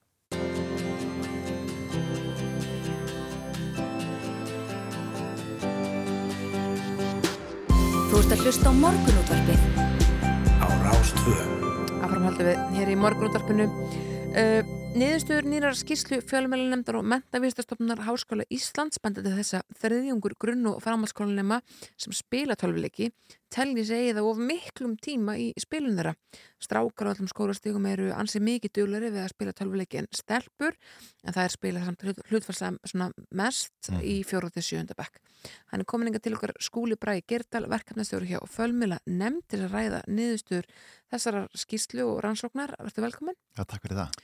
Sko, finnst þeim þau ekki bara að spila mikið að töluleikjum að því að pappi og mamma eru að töða þeim fyrir að spila mikið að töluleikjum? Eða eru þau að spila mikið að töluleikjum? Jú, nákvæmlega, sko, einmitt, ég hugsa þetta líka þau segjast eigað miklum tíma í töluleikjaspilum en ég er ekki vissum að þeim finnst endilega að vera vandamál. Nei. Ég hugsa að þeim finnst það jafnvel vera bara allt í lagi eða, eða gott en, en það er þó allavega eitthvað þegar við erum að fara í, í reyna að ná til þeirra að þau sjálf segist eigað miklum tíma þá þarf ég ekki að byrja á því eða mamma og pappi þurfi ekki að byrja á því að segja þeim þið eigað miklum tíma, þau vita það sjálf Já. eh, en spurningin er sjáðu vandan í því. Já, einmitt. En, en hvaða hópar eru það helst sem er að spila þessa töluleiki þegar að skoða það þarna til að mynda í þessari rannsókn? Já, það eru strákar er að spila miklu meira töluleikjum heldur en stelpur sem dæmi uh, á eiginlega öllum aldri, það, það breytist ekki mikið, það eru 99% stráka sem er að spila þarna í 4. til 7. bekk og 91% í, í framhaldsskóla þannig að það eru eiginlega bara allir strákar að spila töluleiki Já. stelpunar eru miklu meira að spila þegar þeir eru yngri og síðan fellur hlutvall þeirra mjög hratt eftir því sem kemur í, í framhaldsskólan en enga síður er þetta þarna rétt tæpur helmingur sem er að spila Hafði einhver skýringur á af hverju? Eh, ég hugsa að, að tölvuleikir séu meira höfða til stráka eh, og í kannski þarna í fjóraðli sjöndabekk þá eru tölvuleikir að einhverju leiti notaður eins og Roblox í kennislunni þannig að það er kannski að höfða meira til stelpnana Mm. eða það er segja að spila tölvuleikja því það er að nota það í skólanum eða einhverju slíku en uh, maður sér það á þessum topplista tölvuleikja uh, að þessi tölvuleiki sem eru vinsalastir Fortnite, Call of Duty og Warzone og þessi leikir þetta er, eru leiki sem er að höfða meira til, til stráka, hugsa ég Já. Frambóð markasetning er hérna að sk- skila strákunum inn í, í spil inn inn en heim. Já, já, Sko, en tölvuleikir geta sko haft ákveðna færni för með sér, fólk lærir ýmislegt af þessu sem að, að vantarlega skilar strákurum ákveðnu forskoti á svona ákveðnu sviðum eða hvað. Já, algjörlega og ég held að það sé mjög mikilvægt að við tölum ekki neikvægt um tölvuleikjaspilun Mm. uh, og við hefum séð það líka með veist, aukningu í rafíþróttum og, og öðru slíku að hérna það uh, uh, þetta er mjög félagslegt líka uh, og uh, strákarnir eru líka að taka það fram þarna, þeim finnast þetta að vera uh, þetta félagslegt aðtæði þetta er gó, góðu leitlis að læra sögur. Uh, og þeim finnst þetta góðu leitlis að læra ensku. Uh, ég hugsa að þetta var eitthvað á bylunu 7-8 hverjum 10 strákur sem til þessi, þessi að læra mikið af ensku þannig inni Mhm. Eh, þó ber að hafa í huga að þetta er ekki ensku kennsla þannig að það má heldur ekki hafa ofur trú á þeirri ensku sem er að læra það inni Nei. eh, það var líka að við öll sem að eigum svona unglingstrengið hérna áttum okkar á því að þeir ofmeta svolítið kunnáttu sín í ennsku. já, og maður sá það strax að þetta eru strákandi sem að segjast læra ensku af töluleikinu en ekki stelpur. Eh, það, auðvitað er það náttúrulega líka þannig að, samt að að hlutallinu eru pínu skökk að því stráka spila bara miklu meira töluleikin Mhm. þannig að þeir eru þeir herri náttúrulega bara í öllu. Eh, það er líka áhugavert er þessi félagslegu samskipti sem eru í gegnum töluleikina og maður hefði viljað bæta því við og, og við munum gera það þegar við gerum þessu könnun aftur af því þetta er rannsókn sem við gerum alltaf reglulega bæta við spurningum um þessi samskipti þeirra milli innan töluleikina þú ert að eiga samskipti við vinniðina sjálfsögðu en svo er það líka samskipti við ókunnuga annars vegar samskipti sem eru bara taktíst ég þarf að tala við þið svo við getum spila töluleikin Mhm. og hins vegar bara vinasambönd og þessi vinasambönd geta verið bara alveg jafn sterk og raunveruleg vinasambönd við vini sem þú ert að hitta alltaf í skólanum Mm. jafnvel þótt þú hafir aldrei hitt viðkomandi þannig að, að þetta er held í það sem við myndum vilja bæta við eins og þessa skýslu Já, það kemur líka fram hérna í niðurstöðum þessari rannsóknar rúmlega tvöfalt fleiri strákar en stelpur hafa spilað tölvuleiki með 18 ára aldurstakmarki og það lítur að vera einhver ástæð fyrir því að, að tölvuleikir séu með aldurstakmarki. Kom það á óvart að, að, að hversu mikill fjöld er að, að spila leiki sem þau ekki voru að spila kemur kannski, kannski ekki óvart en þetta er niðurstaða sem við þurfum að, að- horfa í og sérstaklega að taka til okkur sem foreldra. Já. að við hleypum ekki þessu aldurstakmarki alltaf einhvern veginn neðar og neðar að við verðum alveg ónæm fyrir þeim. Þetta er alveg rétt, við setjum aldurstakmörk af ástæðu og þau eru sett með það í huga uh, við höfum rannsóknir til liðsjónar þegar við erum að setja aldurstakmörk uh, hver þroski batna er á hverju aldurstígi þannig að aldurstakmörk ber að virða og nú hljóma ég auðvitað rosalega leiðilega uh, ég sjálfur þegar maður var yngri þá auðvitað langaði maður alltaf að spila leiki sem voru fyrir eldri. Mhm. af því maður upplýði sjálfan sig sem ykkur eldri en maður var. Uh, en þroskin var kannski ekki til stað til þess að meðtaka þetta efni. Ef við erum ekki að virða aldurstakmörkin þá færst næ- neðar og neðar og neðar og við sjáum yngri og yngri spila uh, töluleiki sem eru bannaðir. Það er eiginlega allir þáttakvöldinir í þessari rannsókn undir 18 ára samt er mjög stort hlutfall þeirra sem er búið að spila töluleiki sem eru með alda- 18 ára aldurstakmarki. Mm. uh, þetta er í kringum helmingur í fjórðalli sjöndabekk þannig við sjáum aldurstakmarkið það er búið að færast mjög neðarlega þar. Uh, og þetta er bara með margt annað sem við erum að gera líka. Við erum fann að sjá allt í einu börn allt nýri 5 ára að vera að koma með farsíma. Við erum fann að sjá krakka 60% krakka að vera að nota TikTok, Snapchat þriðungar að nota Instagram þetta er allt samfélagsmiðla samt sem eru með 13 ára aldurstakmark og þessar tölur sem ég taldi upp það var fyrir 4. til 7. bekk Mhm. 60% Mhm. við erum að leifa þeim að nota uh, hluti, samfélagsmiðla töluleiki með aldurstakmarki og það eh, þessi skilabóð, við þurfum að meðtaka þau bara beint sem fóreldrar og taka þau til okkar, við þurfum að virða aldurstakmark Mm. Einmitt, þetta er svolítið forðanlegt að þú nefnir e, samfélagsmiðlana sko það eru þetta mjög mikill þrýstingur ef, að, ef að allir eru komnir á samfélagsmiðla að þau geti kjæft á við vinni sína, mælt sér mót og svo framvegis sé ekki bara einhverjum gammaldags SMS ske- skeytum skilur sína milli Það er alveg rétt, þrýstingurinn kemur utan að, þrýstingurinn kemur frá einstaklingum sem ber enga ábyrð, við Já. sem foreldrar og forðamenn, við berum ábyrðina, Mhm. þannig að á endanum gefum við leifið og ég er ekki vissum að við séum átt því að við séum að gefa alltaf eitthvað leifi, við séum búin að pæla í því hvað fælst í þessu leifi, er ég búin að Mhm. kynna mér hlutin sem ég er að gefa leifi fyrir, ég er bara að gefa hana því allir aðri vinniðin er að nota þetta. Og hvað gerist, þetta færist alltaf neðar og neðar. Og við séum að fimm ára konu síma núna, fjórðu til sjöndi bekkur er komin á TikTok og Snapchat hvar endar þetta? Hva, hva, hvað ætlum við að fara neðarlega? Ætlum við að leifa börnum á, á leikskólaaldri að fara inn á TikTok og Snapchat af því allir vinir eru þar? Eða hvenar ætlum við að stíga niður fættinum og segja, heyrðu, það eru aldurstakmur sem eru á ástæðu og við þurfum að virða þau og við byrjum ábyrði sem fóreldrar. Já, einmitt. Það kemur hérna fram líka í, í þessari rannsókn að vera að tala um eh, já, fjármálin og, og fólk sem eru að kaupa hluti í tölvuleikjum og börnin eru þá að kaupa einhverja hluti sem við veit ekki endilega hvað er og, og, og hvað kostar eða eitthvað. Já, það var eiginlega, það áhugaverðast að þarna var þessi 20% í framhaldsskóla á 8. til 10. bekk sem keftu eitthvað á þess að vita hvað þið væri að kaupa. Þetta eru svona pakkar sem eru svona, uh, svona óvæntir. Uh, ég kaupi eitthvað svona, uh, ég kaupi einhvern hlut sem er í einhvern pakka og svo kemur í ljós eftir að ég kaupa hann hvað ég fekk. Já, bara eitthvað ótakmörku lífi korter eða eitthvað svona Já, akkurat. Uh, þetta er náttúrulega viðskipti sem ganga ekki. Uh, það gengur ekki, ég veit ekki eins og hvað ég er að kaupa þegar ég er að kaupa það og þetta eru leiðir sem að töluleikir er að nota til þess að rakin peningum. Já, já. Ég er, sko, ég er bókstælega að selja það drasl. Þetta er svona daldi eins og bara að fara í, í rúlettu eða, eða eitthvað En, slíkt. en eru þau að nota sína eigin peninga í þetta eða eru þau að nota kortið hjá fólksin?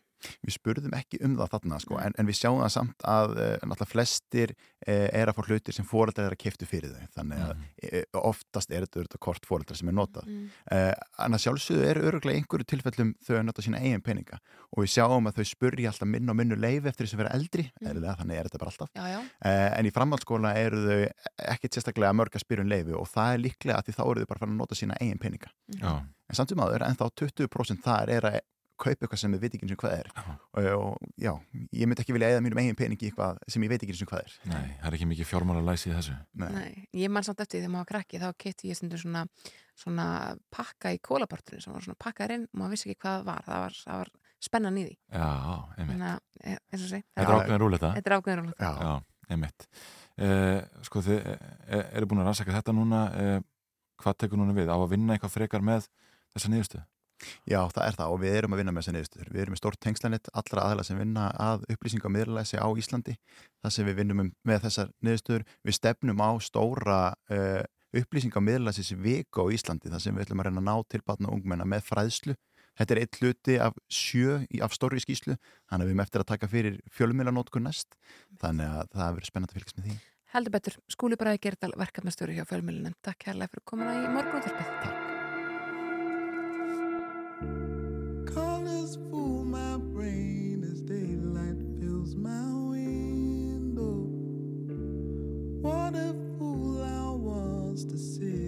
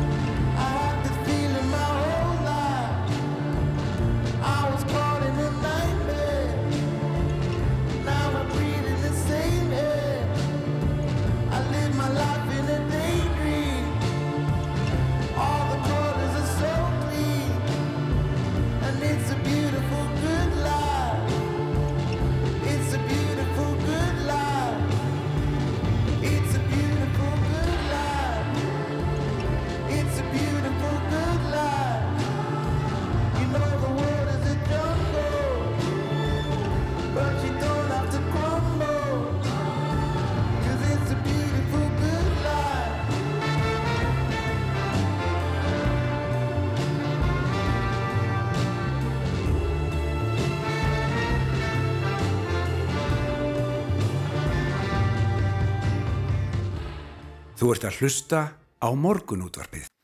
Jú, mikið rétt morgun útarpið heldur hér áfram og við ætlum að slá botnin í þáttin í dag með Sæfri Helga Bragasinni stjórnum sérfræðingi og, og vísindamanni eh, Góðan daginn Já, góðan daginn Það er við- skynning Það er aldrei skynning Hva, Hvað viljum við ræða í dag?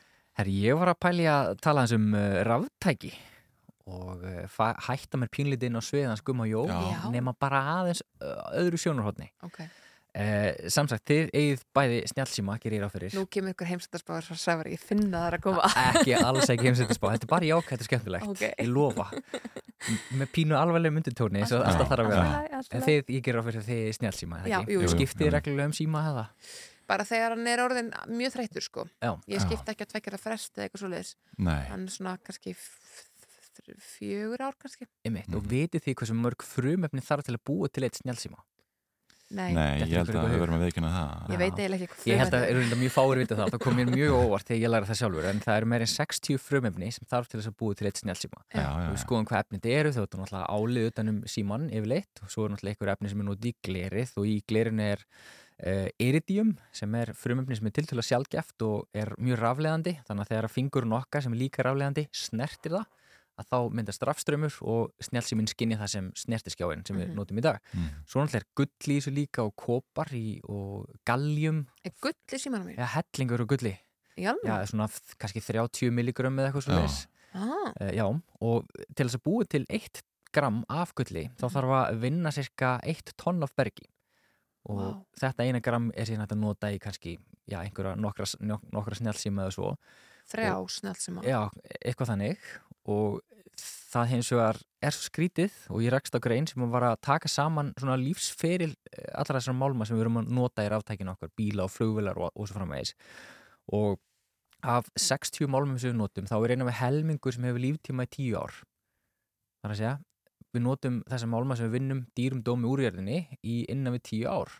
Og svo er endurvinnslu hlutvalli skoðað og þá er ekki nefnum það bild eða innan við 20% til ratar í endurvinnslu. Þannig að restin er bara fargað, urðað eða eitthvað slíkt og það, þá erum við að glata alveg einstaklega dýrmætum hráefnum úr ringra sem við megum alls ekki við Þetta er 20% af, af farsimum Já, inn, já, Já. bara á ráftækjum yfir höfuð Já. þannig að þetta er ekki bara farsimar og fólk líka með þetta heima á sér hérna gamla síma í já. tíu ára sko. Uh, en þetta er mjög alveglegt vegna þess að það þarf að til þess að vinna málma úr jörðinni þá þarf ansi mikið til. Og eins og ég nefndi á hann til að ná í 1 gram af gulli þarf að vinna 1 tonn af bergi. Hérna, e- milli okkar þryggja eru við með snjált sem er hér á borðinu uh, samtals eitt tonn af bergi. Já, já sem bara, bara sem að bara þurfti í, í broti gullið niður okkar. í náttúrunni fyrir okkur hér Já, þrjú. og bara þá í símana sko. Og fyrir utan náttúrulega það sem er í tölvunum okkar og svo framvegð sko. þannig að þetta er ekkit smá mikið magna af jörð sem þarf að brjóta til þess að búa til málmun okkar Hvenær verðum við bara búin með jörðina? Já, það er nefnilega máli á þessari öld sko það er hérna sömu málmar þessari öld? Já, þá, á þessari öld, ef framfyrir sem horfir ef við höldum áfram að farga svona mikið á málmum þá erum við bara að horfa fram á skort á mjög dýrmætum og nöðsölum málmum til þess að knýja fram nútíma hagkerfi sem stýrist af málmum og málumnótkun En er nóg að þess að endurvinna þetta og Já, bjargast það, vinna þannig? það er einmitt nógu mikið af málmum í umferð til þess að við þurfum hreinlega ekkert í mörgum tilvi- tilvikum allavega að sækja nýja málma og þess vegna er eh, útgangspunkturinn í raun og verið þessari grein sem var að vera að fjalla um í Nature, þar sem verið að að skoða lífsferil þessara málma algjör slíkilatriði að farga aldrei, aldrei málmum. Þannig að fólk er með málma heimi á sér og hendir því ruslið bara aldrei gera það. All, alltaf að koma málmum í endurvinnslu og endurvinnslu stöður og svo frammeins og ekki síst ráftækjum úr sér gengnum í ráftækjum vegna þess að magnið af, af málmum sem er í öllum sem tækjum er slíkt að það þarf ótrúlega eh, mikið til þess að eh, sækja þá og búa til ráftækin okkar. En getur við treysti ef að ég færi með gamla síma minn á sorpu Já. að gullið úr honum og álið og allt þetta, það myndi rata réttan stað? Uh, já, það er aldrei hægt að fullir það nákvæmlega en svona eins og gull til dæmis þá er bara gull það verðmætur og dýr málmur að endurvinnslu hlutfalli á gull er einna, besta, einna best í heiminum og jáfnvel betra en endurvinnslu hlut, hlutfall áls af því að þetta er bara svo rosalega verðmætt og, og hérna mikilvæga málmur þannig að við getum eiginlega alveg já, bóka það að gulli ratar á réttan stað Mhm. nema við séum svo vittlis að henda ráftækjum okkar hreinlega bara í ruslatununa og láta grafa þann og í jörðina. Þannig að nú er verið að mælast til þess að uh, við förum að hætta að, að vinna málma úr jörðinni og förum að vinna málma úr ráftækinum okkar aftur. Því að tonnin, miljónir tonna sem sapnast upp á hverju ári við það að skipta með ráftæki að þá er neysla okkar á ráftækjum bara hreinlega orðin ósjálfbær. Mm. Við erum að nota svo gríðalegt magna af, af málmum og svo er ekki bara mikið af grjóti sem fylgir þessu, heldur líka eiturefnunótkun og mengun vass og svona eins og við kannski höfum sér myndir af hér og þar og þegar við tökum samanlósun gróðrúsloftegunda sem fylgir málmavinnslu þá er cirka 8-10% af heimslósun uh, í dag Já. og suma málma er líka hægt að nota í aðra hluti eins og til dæmis uh, gallium geti nýst okkur í einhvers konar krabbamennsmeðferðir og saman með yttrium sem er annar málmu sem maður nota til dæmis í ledljós Mhm. þannig að fólk á uh, gamlar jólaserjur heima eða hvað sem er sem maður ekki nota lengur þá áttir náttúrulega alltaf rata til terra eða sorpu eða þeirra sem taka við þessu. Og svo náttúrulega er ennþá betra ef fyrirtæki eru með uh, svona endurvinnslu prógram og dæ, bara eitt besta dæmi það í heiminum eitt fyrirtæki sem stendur sig gríðalega vel í þessum málum er Apple tölvan sem ég með hérna fyrir fram er 100% endurunnu áli Mm. og uh, margir íhlutina líka eru 100% endurinnir og það er bara leikilatrið því að ég valdi að kaupa þessu tölvu það er bara, ma- maður getur flett upp hérna environmental report á ráftækjum Mhm. og séð hvað verið er að nota þannig að með því að vera ábyrgur neytandi líka þá getur þú tekið þátt í þessu stutt auðvitað við þau fyrirtæki sem eru að reyna að standa sig vel En þurftur að borga meira eða minna fyrir tölvuna af því hún er öll endurinn? uh, svipað verð nema það að þessi hins vegar er aðeins hærri klassa þannig að já. hún er fyrir ekki dýra því leitinu til.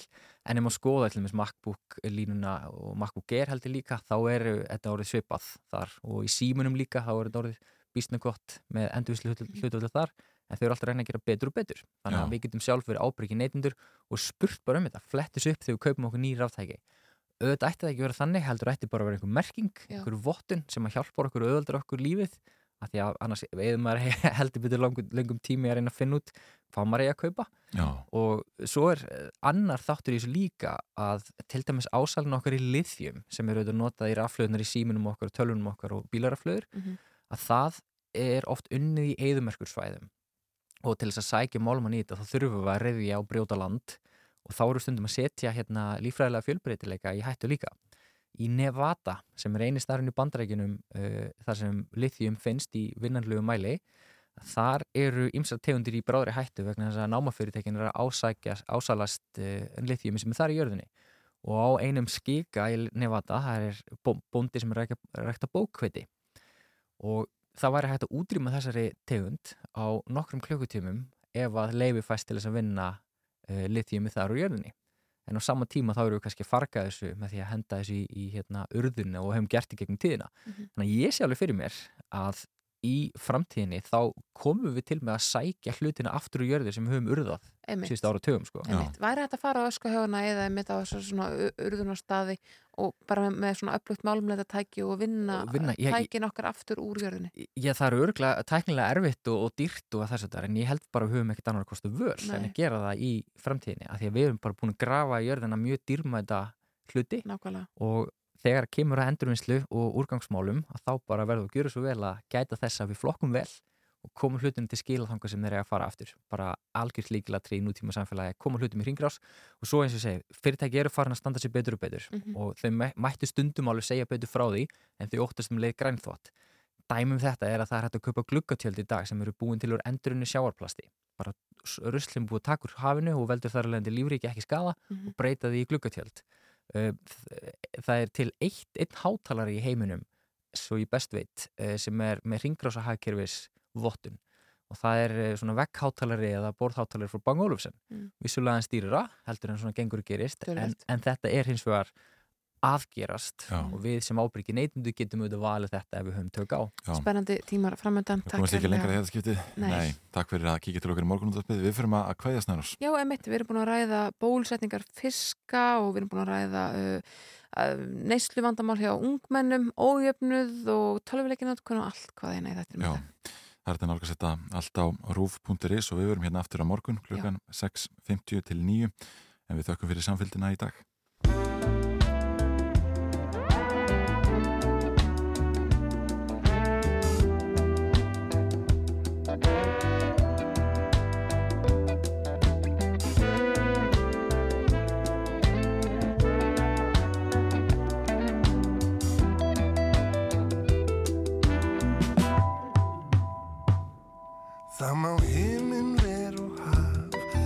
Breytt á milli þó alltaf, ertu fjörður minn og fjall í einu. Þó að fjúki fast á rík, ert að fegur innri rík og í brjósti slæð þitt hjarta reynu. Líkt og æxlist ósjálfrátt, mínir órar